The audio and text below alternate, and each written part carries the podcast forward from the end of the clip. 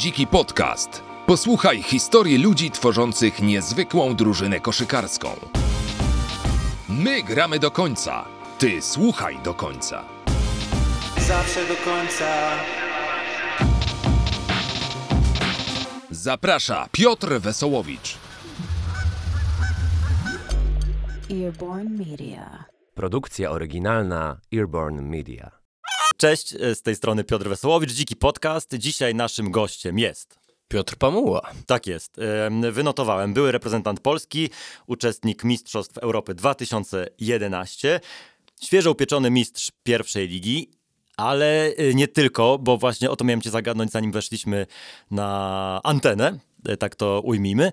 Jesteś totalnie też obyty z mikrofonem. Może totalnie nie, ale już parę razy miałem go, że tak powiem, przy ustach w tamtym sezonie, jak niestety miałem trochę więcej czasu na to, żeby spróbować właśnie mm, pokomentować, a w zasadzie być ekspertem przy meczach euroligowych, także małe doświadczenie jest. Mam nadzieję, że to nie koniec mimo wszystko. Okej, to jest bardzo ciekawe. Jak się w ogóle odnajdywałeś w roli komentatora koszykówki po tej drugiej stronie boiska Bardzo mikrofonu? fajne, bardzo fajne doświadczenie. Muszę przyznać, że już tam rozmowy powiedzmy były troszkę wcześniej, jeszcze jak mnie nie było w Warszawie, że, że, że fajnie by było spróbować. Jak już tylko przyjechałem do Warszawy, to odezwałem się do, do Adama Romańskiego, że jestem, że jeżeli będzie możliwość, to, to możemy spróbować. Nie powiem, stresu trochę było, no bo to jednak jest coś innego niż taka zwykła rozmowa, jednak trzeba zachować jakieś e, standardy. Nawet Grzesiu, Grzesiu, który tutaj był, pamiętam pierwszy mecz, derby Stambułu, więc Okej, ner- to- to nerwowe. Tam była końcówka, Fenerbahce walczyło jeszcze o, e, o wejście do, do ósemki razem. Za Nadolu Efes, tak? Za Anadolu FS i Grzesiu w przerwie napisał mi SMS-a, że brawo Piotr, y, to jest twój najdłuższy okres czasu, kiedy wytrzymałeś bez przekleństwa.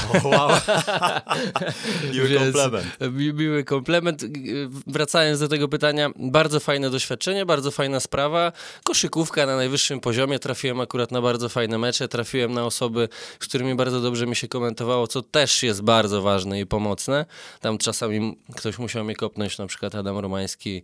Że za dużo stołem, mówisz, czy że albo za mało? właśnie, że teraz powinienem ten coś, moment. to jest ten moment, żebym coś tam powiedział, także fajnie, fajna sprawa. Wiesz Po, co? Polecam. D- Ja jako właśnie ta jedynka tak zwana, czyli ten komentator, który prowadzi, e, zwracam na to uwagę, bo wydaje mi się, tak jak pewnie wielu kibicom, że znam się na koszykówce, ale później ty jako dwójka wchodzisz cały na biało i nagle mówisz o takich rzeczach, no wy, wytłumaczmy, jakby ta dwójka ma tłumaczyć jakby te niuanse, to co się dzieje na parkiecie i wtedy ja robię wielkie oczy, bo rzeczywiście y, kiedy jesteś y, albo koszykarzem, albo trenerem, tak jak Krzysztof Szablowski, który też komentuje, y, komentuje mecze, to to zupełnie inny odbiór tego widowiska, zupełnie inny odbiór meczu, tego co widzisz na, na, na parkiecie. Tak, I, I właśnie kluczem chyba też jest to, żeby to odpowiednio połączyć, bo ja na przykład dostałem też bardzo dużo, później pytałem osób, które słuchały tych komentarzy, żeby wiadomo, dostać jakiś feedback. Głównie chodziło mi o feedback negatywny, bo żeby wiedzieć, co robić źle. I na przykład ta dwójka, czyli ten y, ekspert, mi się zdarzyło na przykład za bardzo wejść w jakieś szczegóły, gdzie ludzie na przykład, którzy oglądają Euroligę i chcą dowiedzieć się czegoś albo po prostu pooglądać koszykówkę, nie za bardzo ich interesuje już na przykład jakaś głęboka pomoc ze strony słabej, wysokiego zawodnika podczas pick and rolla z drugiej strony. Także no z tym też trzeba się kontrolować i właśnie ta Okej. współpraca jedynki z dwójką no, musi być na, e, na odpowiednim poziomie, a bycie jedynką no to, to już w ogóle wyższa szkoła jazdy jak dla mnie. Żeby to wszystko kontrolować, trzymać te emocje, podnosić czasem te emocje trochę wyżej, to już, no mówię, wyższa szkoła jazdy. To my startujemy z emocjami w takim razie w naszym podcaście. Wspomniałeś o Grześku Grochowskim i yy, rozmawialiśmy przy okazji, znaczy rozmawialiśmy o dzikach, ale w trakcie Mistrzostw y, Świata w koszykówce i to był chyba mecz y, Łotyszy z Niemcami w ćwierćfinale i tam wówczas kapitan Łotwy miał rzut na zwycięstwo, nie trafił mniej więcej z połowy. Mm, Rozmawialiśmy, czy to dobra decyzja, czy powinien raczej grać za dwa, próbować zaatakować obręcz, ale zapytałem go, komu w dzikach odegrałby piłkę, gdyby był ten moment y, game winnera, no i wskazał ciebie. Powiedz, czy to dobra decyzja w takim razie, czy wziąłbyś tę odpowiedzialność To są takie sytuacje w meczach, gdzie nie ma czasu na to, żeby na przykład przeanalizować. Wiadomo, jak jest sytuacja, roz, ro, zagrywka rozrysowana przez trenera, wiemy na kogo gramy mniej więcej i tak dalej, ale jeżeli są 2-3 sekundy, jest y, cień szansy na rzut, to ten rzut trzeba oddawać, także no na pewno bym wziął ten rzut. Jakby wpadło, to jest taka sytuacja, że później ci zawodnicy na przykład są bohaterami, wiadomo, ale to są tylko 2-3 punkty. Później trzeba przeanalizować cały mecz, gdzie te 2-3 punkty straciliśmy, no, albo na przykład jak ktoś nie trafi tego rzutu, to nie znaczy, że tym rzutem się przegrywa mecz, tylko mecz przegrywa się na przykład niecelnym layupem w pierwszej minucie meczu, w pierwszej kwarty, więc to jest takie wywyższanie na piedestał tych ostatnich akcji, no ale mecz trwa 40 minut, więc ale cieszę się, Grzesiu, mam nadzieję, że w tym sezonie będzie jakaś okazja i czekam na te podania i na pewno będę y, odpalał truje czy tam dwójkę. Raczej, tym- raczej truje. Raczej truje, właśnie. O tych trójkach jeszcze porozmawiamy. O cyfrach jeszcze troszeczkę. Dwie y, ci podam. 481 albo 1406.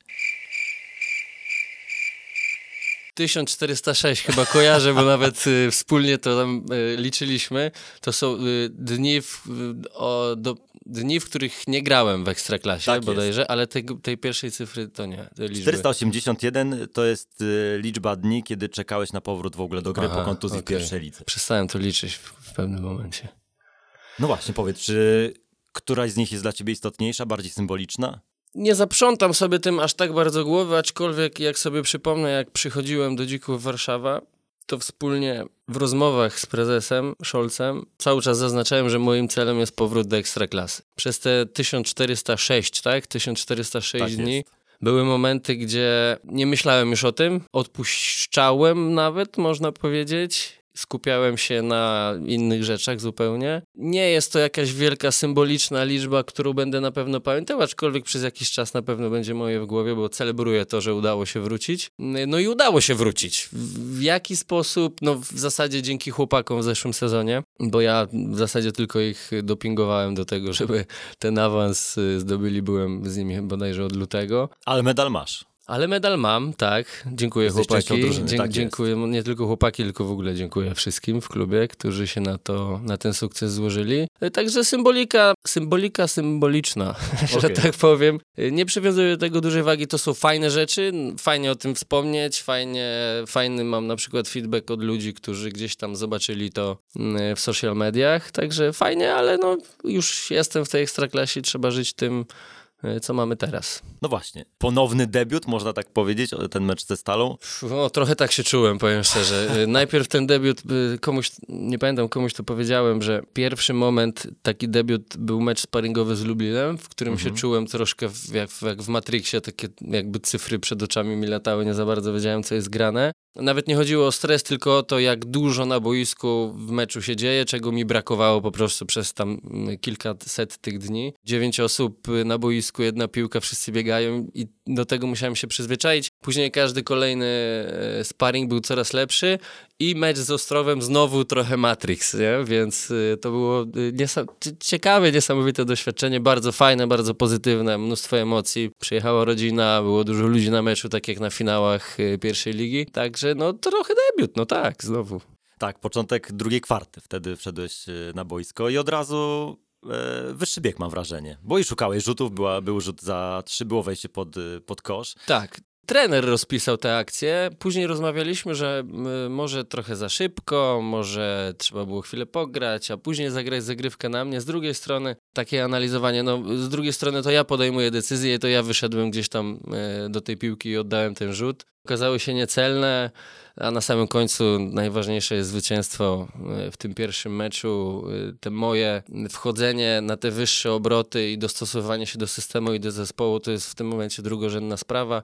To się dzieje, na pewno jeszcze troszkę czasu, ale najważniejsze jest to, żebyśmy wygrywali po prostu. Mhm. Czyli poczucie takiej, y, była trochę nerwowości, ale poczucie ulgi też rozumiem po meczu, że już masz to za sobą, nikt ci nie będzie teraz liczył dni, tylko już możesz wrócić na po prostu poziom bycia koszykarzem. Dokładnie, dokładnie tak. I byłem w miarę spokojny. Nie, nie nerwowość, tylko takie pozytywne emocje i śmiałem Okej. się, że prawdopodobnie przed meczem przydałoby się, żebym wypił jakąś melisę, żeby troszkę obniżyć ten poziom tych emocji. No ale no świetne uczucie. Spodziewałem się, że będzie właśnie dużo więcej tej nerwowości, takiego typowego stresu, który mnie trochę przyblokuje.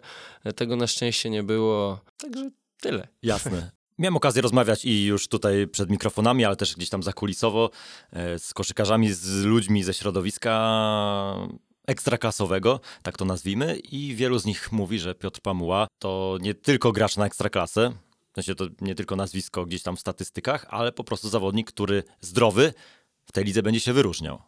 Mam taką nadzieję. Mam taką nadzieję, że oprócz tego, że jestem tu w dzikach jako zawodnik, który ma dać jakąś jakość, bo nie jestem tutaj za jako tam kolega czyjś i po prostu jestem, tylko mam dać jakąś jakość i to, że klub dał mi szansę po takiej długiej przerwie, po takich perturbacjach do tego, żebym wrócił do grania w ekstraklasie, to ja się muszę odwdzięczyć tym, że po prostu dam tą jakość, bo tam chęci i, i, i nie wiem, ciężki trening to jest jedna sprawa, ale najważniejsze jest to, żeby wyjść na meczu i po prostu dać tą jakość y, zespołowi. Mam nadzieję, że tak będzie. Cieszę się, że takie y, głosy do ciebie doszły, ale no to trzeba udowodnić po prostu, Okej. więc oczywiście to, to jest podstawa. Udowodnienie tego, na końcu wygrywanie meczów z zespołem, dawanie tego czegoś dodatkowego zespołowi. Także ten okres mówienia o tym, że mogę, że jestem, że fajnie, że wróciłem, to już trzeba zamknąć. Znaczy ja go zamknąłem. Te głosy są bardzo pozytywne, fajnie, ale no skupiam się na tym, żeby dowieść. To popularne słowo teraz, Tak, że tak, to musimy, prawda. mu- mu- musimy dow- zawodnicy muszą dowozić, nie? To I ja prawda, muszę to dowieść prawda. teraz to Okej. wszystko na boisku.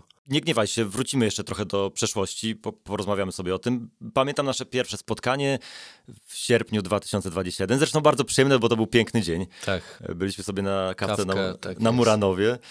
I wówczas przytoczyłem ci cytat z Kamila Łączyńskiego, naszego też wspólnego kolegi, który powiedział, że choćby miał 23 razy się wywrócić i złapać kontuzję, to będzie 23 razy wracał. No i tak parafrazując popularnego mema, powiedziałeś, nie no, tyle, tyle to nie, tyle to nie, chyba, chyba nie dałbym rady. Ale w ostatnim filmie dla dzików powiedziałeś, że choćby to miał być milion razy, to milion pierwszy się podniesiesz i, i ruszysz y, przed siebie. Świadomość do podejmowania takich decyzji powstaje w momencie, kiedy coś takiego się dzieje. Ja spotykałem się w trakcie rehabilitacji z wieloma sportowcami, piłka nożna, koszykówka, siatkówka przez te ostatnie 3-4 lata stopu piłki nożnej z niższych lig i tak dalej. Wszyscy mówili, jak wróciłem na kolejną rehabilitację, że nie, no ja to już bym odpuścił, naprawdę szacunek, że wracasz i tak dalej, i tak dalej. Znowu, bardzo fajne, piękne słowa, ale większość z nich prawdopodobnie, gdyby trafiła, czego im nie życzę oczywiście, trafiła do tego punktu, naprawdę bardzo ciężko byłoby im z tego zrezygnować. Chyba, żeby mieli 39 lat i już spokój na, na następne lata, zabezpieczeni byli i tak dalej. Ja miałem kilka momentów, gdzie na przykład dostawałem diagnozę, że znowu coś, trzeba zrobić to, trzeba zaporować to i to już jak cofniemy się parę lat wstecz, gdzie mówię, dobra, jeszcze raz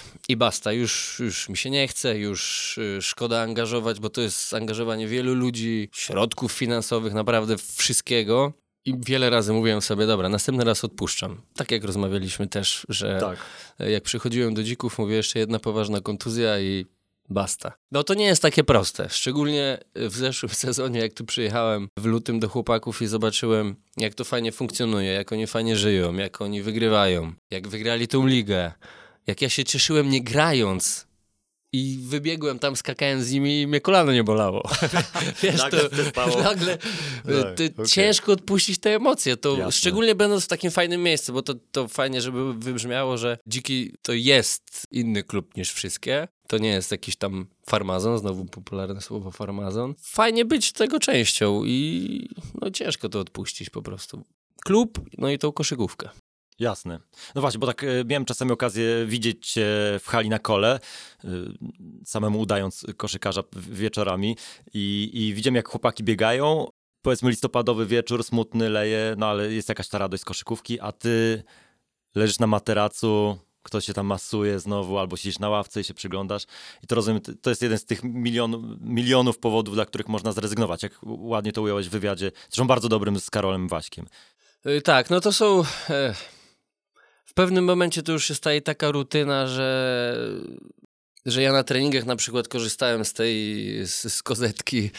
Y, Wszyscy się śmieją, że to moje ulubione miejsce. Czy jakieś rozciąganie, czy mnóstwo tych treningów takich indywidualnych, żmudnych z Rafałem e, Piesio, jakieś indywidualne rzucanie i tak dalej, ale w pewnym momencie to już była taka rutyna, która została mi do tej pory, że jakieś dodatkowe rozciągania, dodatkowe ćwiczenia przed po treningu, siłownia, wolny dzień i tak dalej, to zostało ze mną dzięki Bogu, bo to mnie, to jest potrzebne nie tylko dla człowieka po kontuzji, ale po kontuzjach. To jest ciężkie, ale ja też powtarzam, że nie ma też co mówić, jak bardzo to jest ciężkie. To Okej, jest okej. część to jest część tego sportu. Większość sportowców, może nie w takim wymiarze, ale przechodzi przez to. Większość sportowców ma problemy ze zdrowiem. 99%. To, że oni biegają w niedzielę, czy w sobotę, w czwartek, czy w piątek na meczu i są zadowoleni i podpaleni, i grają i wyglądają na zdrowych, to nie znaczy, że oni na następny dzień rano wstają i rano z łóżka idą do toalety bez żadnego problemu. Większość z nich ma wszystko poblokowane, coś tam boli, tu musi ktoś tabletkę przeciwzapalną. To jest, to jest część sportu, więc to trzeba zaznaczyć. Oczywiście są bardzo ciężkie momenty, różnego rodzaju kontuzje, różnego rodzaju problemy też pozasportowe w trakcie sezonu, ale taki wybraliśmy zawód, na początku pasja, później zawód, taką mamy pracę i z tym też trzeba sobie po prostu radzić. I takie podejście, które zostało zaszczepione mi w jakimś stopniu przez kilka najbliższych osób, też doprowadziło mnie do tego momentu prawdopodobnie, a nie takie użalanie się nad sobą i przez okres rehabilitacji załóżmy 400 dni, jakbym miał 300 dni marudzić jak mi jest ciężko, to pewnie bym nie wrócił już do tego grania, bo bym nie zrobił tej rehabilitacji, bo na rehabilitację idąc miałem też takiego e, trenera, który mi mówił, ty musisz przyjść na rehabilitację z pozytywnym nastawieniem. Bo jeżeli przyjdziesz z negatywnym, to my tu nic nie zrobimy. Nie weźmiesz Jasne. tych 5-10 kilo więcej, nie podskoczysz wyżej i tak dalej, i tak dalej. Także to jest ciekawy proces i to nie jest dramat, bo dramat to się dzieje, wiadomo, każdy ma swój dramat, każdy inaczej Jasne. do swoich dramatów. Dla jednego dramat to jest to, że tam jego ulubiony klub przegrał i on trzy dni będzie płakał i, i, i, i będzie mu z tym ciężko. Prawdziwe dramaty dzieją się gdzie indziej, wiadomo, o czym mówimy. Także z tym trzeba sobie radzić. No to jest część naszego życia też. O tych osobach, które były przy tobie jeszcze porozmawiamy, ale mam dla ciebie hot take. Dlaczego wróciłeś do Dzików Warszawa na nowy sezon? Ponieważ w tej drużynie wylądował Jarek Mokros. No, w ogóle to, to też coś, znaczy nie śmieszne, tylko niesamowite historie, bo ja z Jarkiem w liceum, tu w Polonii, my byliśmy razem w pokoju i chyba w ławce siedzieliśmy, zresztą z Alanem y, byliśmy w Czykowskim klasie. również, tak. tak, tak. Przypomnijmy liceum przy ulicy Yy, Anda, yy, Andersa, Andersa, tak, tak, jest. W ogóle tam też trenowaliśmy w pierwszym sezonie w Dzikach, na tej hali nowej. To są niesamowite historie, bo jeszcze w, wcześniej wrócił Mateusz Bartosz, który jak ja tu byliśmy w Warszawie, był takim moim, ja się śmieję, takim wujkiem tatą, który gdzieś tam się opiekował i na pierwszej imprezy to on zabierał mnie pod pachę, nigdy mnie nigdzie nie Okej. wpuszczali, wracali ze mną do domu, więc no w życiu nie sądziłem, że historia mm, zatoczy takie koło po tylu latach i spotkamy się w zupełnie nowym tworze, w nowym klubie, którego nie było w planach jeszcze te ileś tam lat temu. No to piękna historia, no to ty, tylko teraz mówię, znowu wrócę do tego i będę taki sztandarowy, wygrywać, cieszyć się i później po sezonie powiedzieć, no, że to koło, ta historia zatoczyła się no, przepięknie po prostu. To prawda, brzmi to, brzmi to niesamowicie, tym bardziej, że pamiętam, mówię, że Jarek Mokros był nie tylko twoim, jeśli Mateusz Bartosz był tym, który brał cię pod pachę na imprezę, to Jarek Mokros był tym, który cię podwoził pod szkołę i woził po mieście swoim pierwszym Fordem Mondeo. To Tak była, rozumiem, jest. pierwsza fura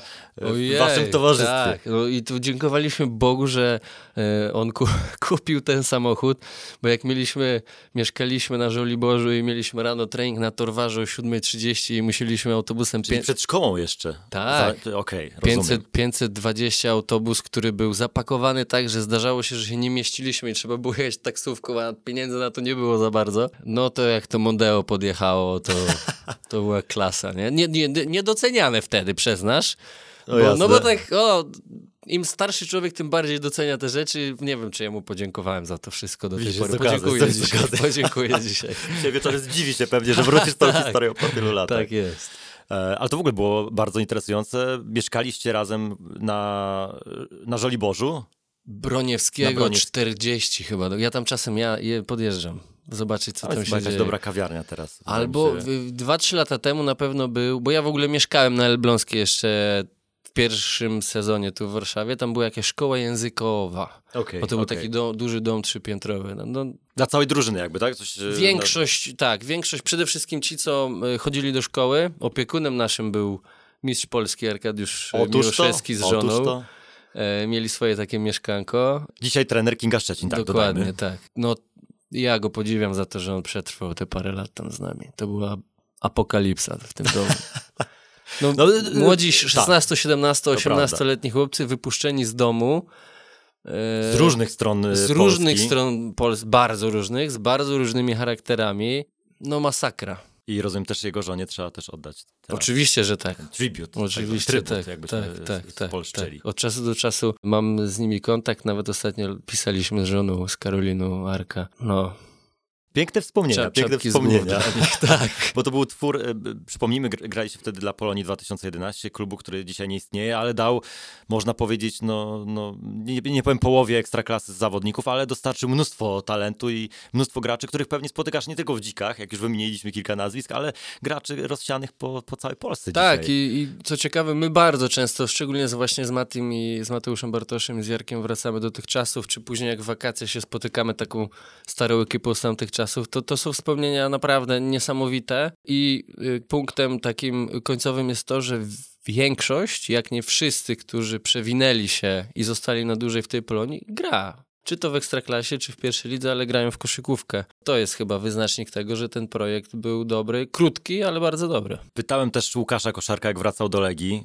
już dzisiaj pana dyrektora Łukasza Koszarka, ale wówczas, wó- wówczas jeszcze zawodnika Legii Warszawa. On też po 20 latach trochę dłu- dłuższą sobie przerwę mm, zrobił od, od Warszawy i rozrysowaliśmy taką mapę jego punktów jako młodego człowieka i, i tak sobie podróżowaliśmy. Tutaj jadłem ulubiony kebab, do tego klubu lubiłem najbardziej chodzić. Więc proszę tak króciutko, jeśli moglibyśmy teraz rozrysować mapę Piotra Pamuły sprzed, no nie 20 lat, ale, ale na pewno kilkunastu. No to jest kilka takich punktów rzeczywiście, do których wracamy. Na, jeżeli chodzi o ulubione jedzenie, ulubiony kebab, no to jest Sapko Jana Pawła, reklama. Nie wiem, czy możemy lokować tutaj produkty, jak coś to się wytnie.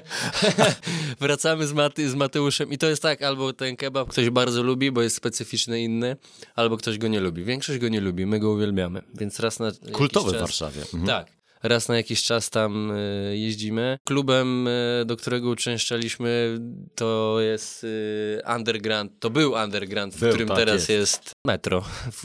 Zostało przerobione na metro. Jeżeli chodzi o jakieś trasy, no to mm, z tego Broniewskiego tramwaj 35 do, do szkoły. Ta linia cały czas Ta kursuje. linia cały czas kursuje. W pierwszym roku zdarzało mi się jeździć na treningi tym tramwajem, więc nie musiałem się dostosowywać. Po drugiej stronie mieliśmy e, sklep, który kiedyś nazywał się Simply, prawdopodobnie to już nie istnieje, do którego chodziliśmy e, na zakupy. Po drugiej stronie ulicy Trasy, kurczę, fryzjer, za którego płaciliśmy 10 zł. nie wiem, czy do pomyślenia. nie wiem, że czy ktoś w to uwierzy.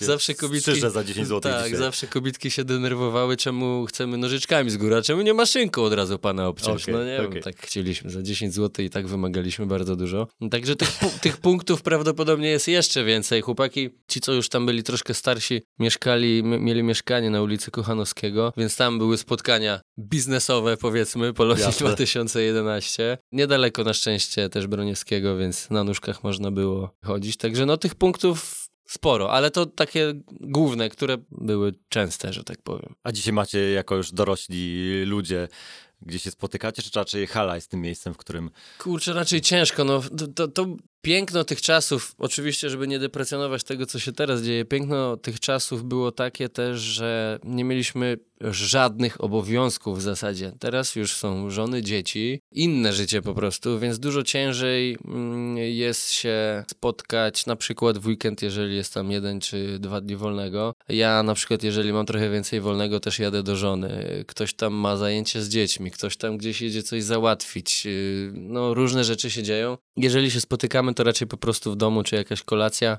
ale już nie mamy takich. Ale kto wie, no mam nadzieję, że będziemy tu wszyscy dłużej i te punkty powstaną jakieś nowe i powstanie no, no, nowy, nowy system Nowy działania. system, nowy absolutnie. system działania dzików tym razem.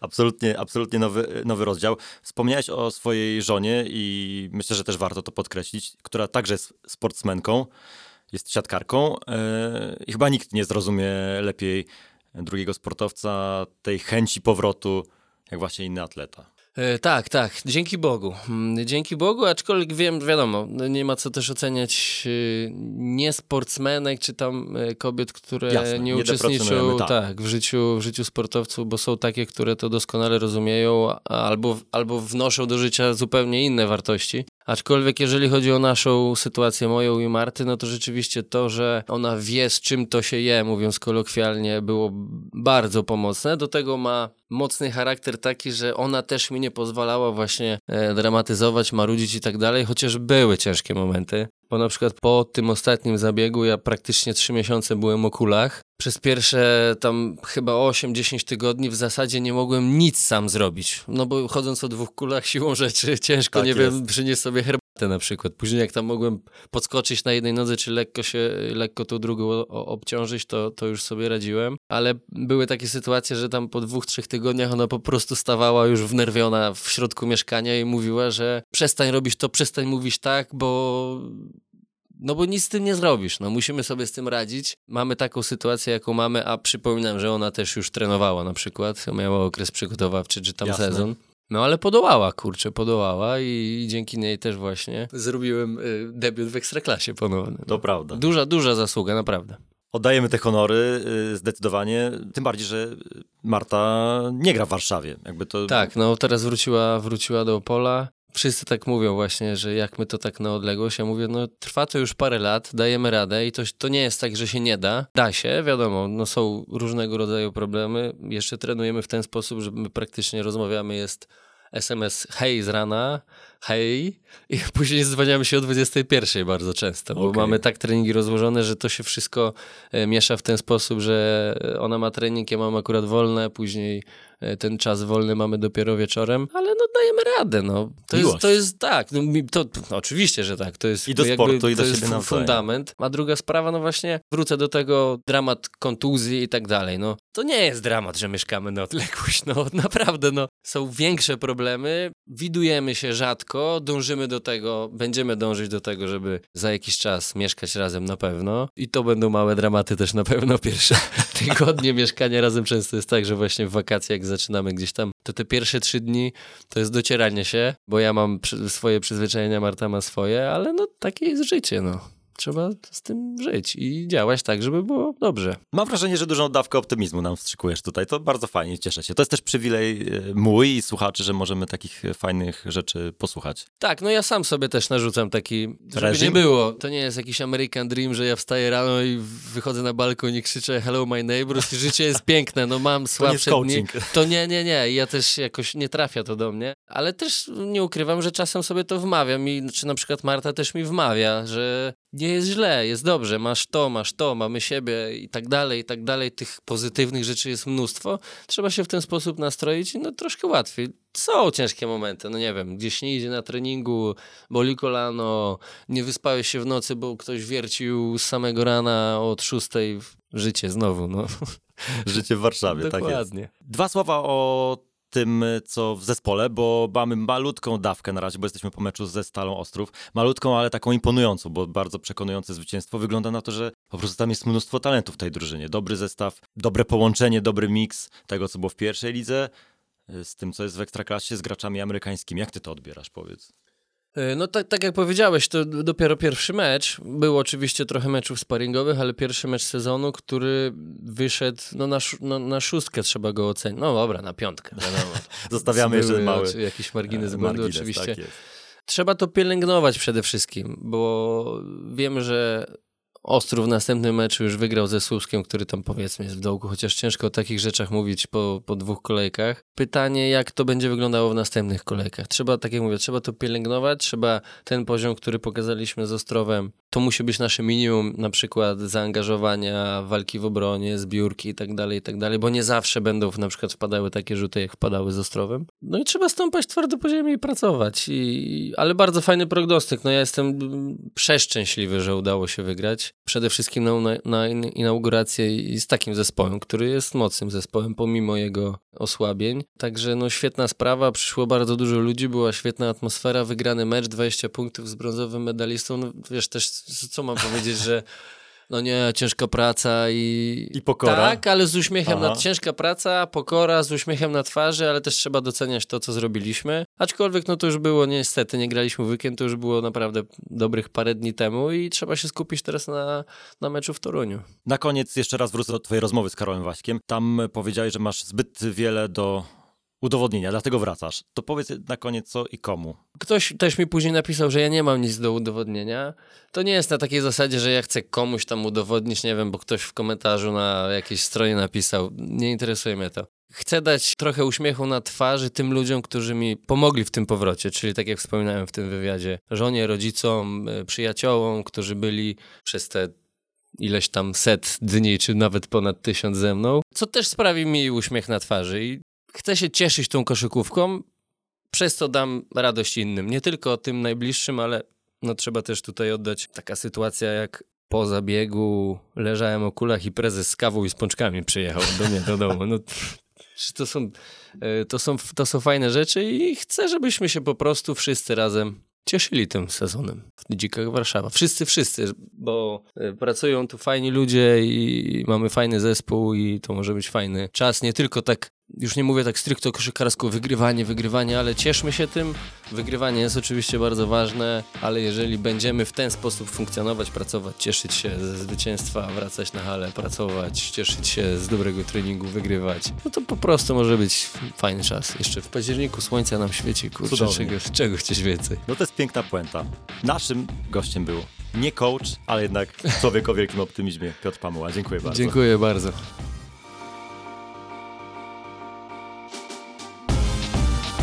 My gramy do końca. Ty słuchaj do końca. Zawsze do końca.